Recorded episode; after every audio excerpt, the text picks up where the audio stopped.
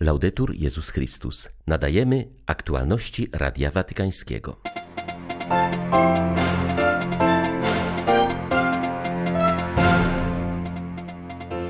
Papież zakończył rok świętego Józefa we wspólnocie Wieczernik, która zajmuje się młodymi narkomanami i alkoholikami. Poświęcił kaplicę dobrego Samarytanina wykonaną przez podopiecznych ośrodka.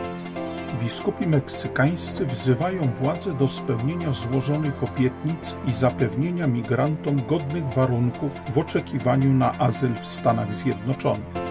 Jutro w Bahrajnie zostanie poświęcona katedra Matki Boskiej Arabskiej, patronki Zatoki Perskiej. To wielki znak nadziei dla chrześcijan w całym regionie. 9 grudnia witają Państwa ksiądz Krzysztof Ołdakowski i Marek Krzysztofiak. Zapraszamy na serwis informacyjny. Niespodziewaną formę miało wczoraj wieczorem zakończenie roku świętego Józefa. Papież złożył prywatną wizytę w rzymskiej wspólnocie Wieczernik, która zajmuje się młodymi narkomanami i alkoholikami. Wraz z nimi modlił się do świętego Józefa i obejrzał przygotowany przez nich film na kanwie powieści Jana Dobraczyńskiego Cień Ojca. Wspólnoty Wieczernika istnieją dziś w 20 krajów świata, w tym od 20 lat również w Polsce. Podopieczni wspólnoty to młodzi, którzy potrzebują pomocy, przede wszystkim ci, którzy są uzależnieni od narkotyków i alkoholu. Wielu z nich, kiedy stają na własne nogi, angażuje się w prowadzenie ośrodków i udzielanie pomocy innym uzależnionym. Choć wizyta Franciszka miała charakter prywatny, członkowie rzymskiej wspólnoty Wieczernik wiedzieli, że mogą spodziewać się wizyty niecodziennego gościa. Kiedy papież wreszcie się pojawił, powitały go dzieci Andrei i Antoni. Dziś jako małżeństwo prowadzą ten rzymski dom dla młodych. W przeszłości sami byli uzależnieni od narkotyków. Podobną przeszłość ma również Marko, który powitał Franciszka w audytorium. Dziś jest szczęśliwym ojcem rodziny, ma czwórkę dzieci, lecz w młodości on także był narkomanem. Kiedy klęczałem przed Jezusem, zrozumiałem, że mi przebaczono i że jestem kochany, wspomina Marko. W powrocie do normalnego życia pomaga również praca, różnego rodzaju rzemiosła, sprzątanie, ale także kultura i sztuka. Młodzi przygotowali na przykład muzykal, z którym mieli jeździć po Europie. COVID pokrzyżował te plany, dlatego wspólnota zaangażowała się w wielki projekt filmu fabularnego o Jezusie. Zdjęcia kręcone są w okolicach Medjugorje, gdzie wspólnota prowadzi dwa domy.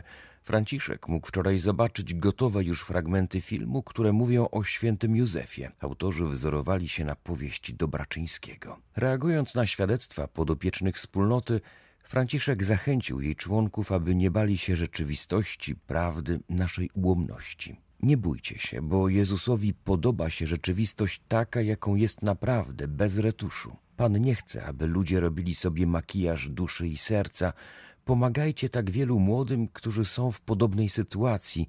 Odważcie się im powiedzieć: istnieją lepsze drogi. Na zakończenie wizyty w rzymskim domu wspólnoty Wieczernik papież poświęcił kaplicę dobrego Samarytanina, którą wykonali podopieczni tego ośrodka. Wraz z nimi odmówił modlitwę do świętego Józefa, kończąc tym samym rok poświęcony oblubieńcowi Najświętszej Maryi Panny. Maryja Niepokalana jest najwspanialszym dziełem sztuki samego Boga poprzez swoją pokorę, oddanie oraz przejrzystość wobec Niego, powiedział papież w przesłaniu z okazji instalacji gwiazdy na wieży Matki Bożej w Bazylice Sagrada Familia w Barcelonie. Franciszek zachęcił, aby wznosząc oczy ku tej gwieździe kontemplować Maryję, która jest gwiazdą nowej ewangelizacji. Ojciec Święty zwrócił uwagę, że marzeniem wielkiego architekta architekta Antonia Gaudiego było, aby tajemnica niepokalanej wieńczyła portal wiary, pierwszy, który zbudował, byśmy recytując modlitwę do Trójcy Świętej, która naznacza całą bazylikę, nauczyli się być jak Maryja, świątynią tej tajemnicy i oddawali cześć Bogu w duchu i prawdzie. Ona jest pełna obecności Boga, który stał się ciałem w jej łonie, dlatego Gaudi umieszcza ją również w centrum portalu miłosierdzia, gdzie ofiaruje nam dzieciątko Jezus pod uważnym spojrzeniem świętego Józefa, abyśmy mogli mogli wejść do Jego kościoła, płonąc miłością do Boga i do ludzi. Zachęcam Was do naśladowania przykładu dziewicy Maryi poprzez codzienne gesty miłości i służby. Nieskazitelne piękno naszej Matki jest niepowtarzalne, a jednocześnie przyciąga nas. Niech ta gwiazda, która świeci od dzisiaj, oświeci Was, abyście wraz z paciorkami różańca mogli raz na zawsze powiedzieć tak łasce Pana i zdecydowane nie grzechowi. Modląc się z Maryją, rozważamy tajemnicę życia Jezusa, ale także rozeznajemy drogę, którą On nam wskazuje i otrzymujemy siłę, by odrzucić pokusy przemocy lub doraźnych korzyści. Franciszek zapewnił, że przyłącza się do modlitw, które są jak niezliczone róże przedstawione u stóp Maryi w tej pięknej bazylice oraz zachęcił, aby Barcelona była przyjazna i gościnna dla wszystkich. Ojciec Święty stwierdził, że wyprasza także mądrość, gotowość służby oraz szerokie spojrzenie dla pełniących ważne funkcje publiczne. Modlitwą obejmuje rodziny, aby Maryja ze swoją jasną gwiazdą czuwała nad nimi, szczególnie kiedy doświadczają przeciwności i trudów. W uroczystość niepokalanego poczęcia ksiądz Jonut Pol Strejak z nuncjatury w Sudanie Południowym przywiózł 30 tysięcy dolarów dla mieszkańców diecezji Malakal przekazane przez kardynała Konrada Krajewskiego, jałmużnika papieskiego. Oprócz 75 tysięcy dolarów wysłanych w październiku ubiegłego roku przez Franciszka. Biskup Steven Majwok w towarzystwie Charge d'Affaires nuncjatury przynieśli poszkodowanej wskutek powodzi ludności modlitewne słowa otuchy oraz różne pilne potrzebne towary, takie jak plastikowe folie, koce, maty do spania i namioty. W Bentiu znajduje się największy w kraju obóz dla przesiedleńców. Od czasu wojny domowej w 2013 roku pod auspicjami ONZ schronienie znalazło tam ponad 120 tysięcy osób. Teraz, gdy próbowali wrócić na swoją ziemię, zostali zmuszeni do pozostania w obozie. Ponadto od sierpnia przybyło 50 tysięcy osób z terenów powodzi, które zalały większą część stanu Unity. Prawdziwa władza to służba, zwłaszcza najsłabszym, do której powołani są rządzący i prawodawcy, ale także wy, prawnicy i prawoznawcy, ponieważ zdobycze waszych przemyśleń mogą im pomóc w lepszym wypełnianiu ich funkcji, powiedział kardynał Pietro Parolin w wideoprzesłaniu do uczestników 70. Kongresu Naukowego Unii Prawników Katolickich we Włoszech. Watykański sekretarz stanu odniósł się do tematu kongresu, którym jest ochrona najsłabszych podmiotów społeczeństwa. Przypomniał, że kategorie te wskazuje nam już Stary Testament, zobowiązując do ochrony wdowy, sieroty i cudzoziemcy. Są to kategorie stare jak świat. Kategoria sierot ma dziś jednak nową postać. Zaliczają się do nich również ci, którzy zostali powołani do życia poza naturalnym i stabilnym związkiem mężczyzny i kobiety, a w wyniku serii wydarzeń znaleźli się w świecie bez rodziców lub żyją w zimnej rzeczywistości probówki. Wspomnieliśmy o szlachetnym dziedzictwie Zachodu, a w szczególności Europy w zakresie wrażliwości i konkretnych form solidarności wobec najsłabszych ale sama historia tego regionu uczy nas, że postęp systemów prawnych i społecznych, które pomagają chronić słabszych, nigdy nie może być w pełni osiągnięty. Tak jak równość jest programem i celem, do którego dąży się przez długi czas, celem, który nigdy nie jest w pełni osiągnięty, tak też sytuacje słabości wszelkiego rodzaju nigdy nie są w pełni rozwiązane. Choćby dlatego, że ewolucja społeczeństwa nieuchronnie prowadzi do pojawienia się nowych sytuacji potrzeb i niepewności, podczas gdy konkretna interwencja, zarówno na poziomie regulacyjnym, jak i instytucjonalnym, zawsze następuje z fizjologicznym opóźnieniem, ponieważ najpierw musi się pojawić i uświadomić pilność tej konkretnej potrzeby, a dopiero potem ze strony władz publicznych, a także osób prywatnych, może nastąpić mniej lub bardziej adekwatne jej zaspokojenie.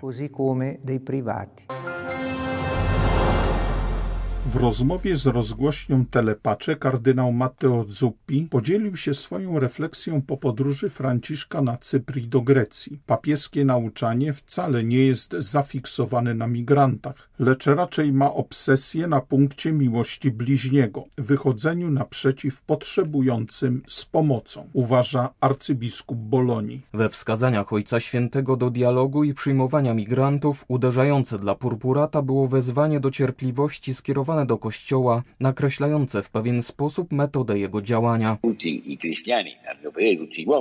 Nie wszyscy we wspólnotach chrześcijańskich myślą o migrantach zgodnie ze wskazaniem ewangelicznym. Przyczyny takiej postawy wiążą się z brakiem odpowiednich rozwiązań. Jest to kwestia związana z polityką, chociaż wszyscy jesteśmy świadomi złożoności radzenia sobie ze zjawiskiem przepływów migracyjnych. Faktem jest, że presja migracyjna cały czas wzrasta, zaś zarządzanie tym kryzysem nie jest wspólne, co także podsyca niezadowolenie i strach. Dlatego w tej polaryzacji stanowisk przesłanie Franciszka jest stawiane jako skrajność. Ludzie mówią, papież chce wpuścić wszystkich, ale on mówi tylko, że musimy być ludcy wobec ludzi w trudnej sytuacji, że musimy pilnować, aby ludzie nie przebywali w obozach i że jeśli ktoś przebywa na środku morza, trzeba go ratować. To prawda, że papież powtarza to do oporu, jednak nie tylko on. Chrześcijanom mówi o tym Ewangelia. Evangelia. Per i cristiani lo dice il Vangelo.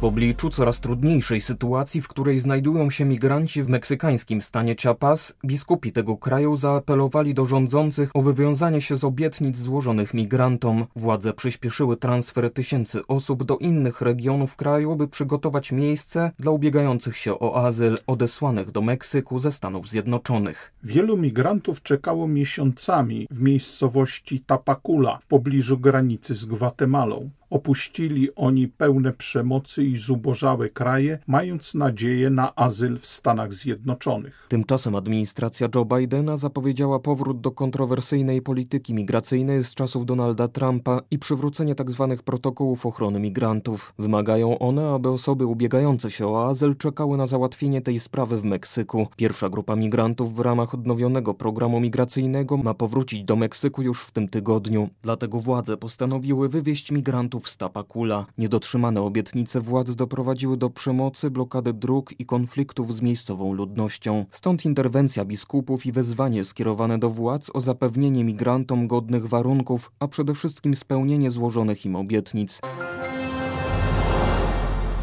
Kardynał Luis Antonio Tagle, prefekt Kongregacji do Spraw Ewangelizacji Narodów i przewodniczący Caritas Internationalis, poświęci jutro w Awwali w Bahrajnie katedrę Matki Bożej Arabskiej, patronki Zatoki Perskiej. Nowa katedra jest znakiem nadziei dla wszystkich chrześcijan na Półwyspie Arabskim, uważa Regina Lynch z papieskiego stowarzyszenia Pomoc Kościołowi w Potrzebie. Świątynia jest przeznaczona dla 2,5 miliona katolików z Bahrajnu, Kuwejtu, Kataru i Arabii Saudyjskiej, którymi w większości są migranci z różnych krajów i kultur. Obiekt będzie siedzibą powstałego w sierpniu 2012 roku wikariatu apostolskiego Arabii Północnej, otwartego również dla innych wyznań chrześcijańskich.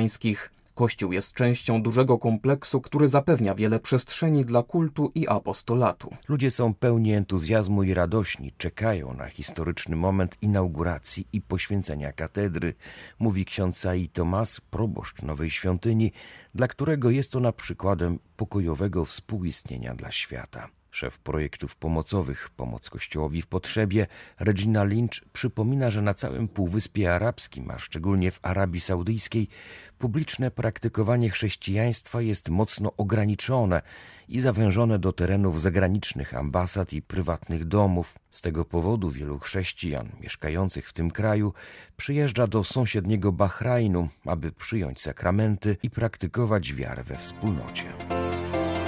Były to Aktualności Radia Watykańskiego. Laudetur Jezus Chrystus.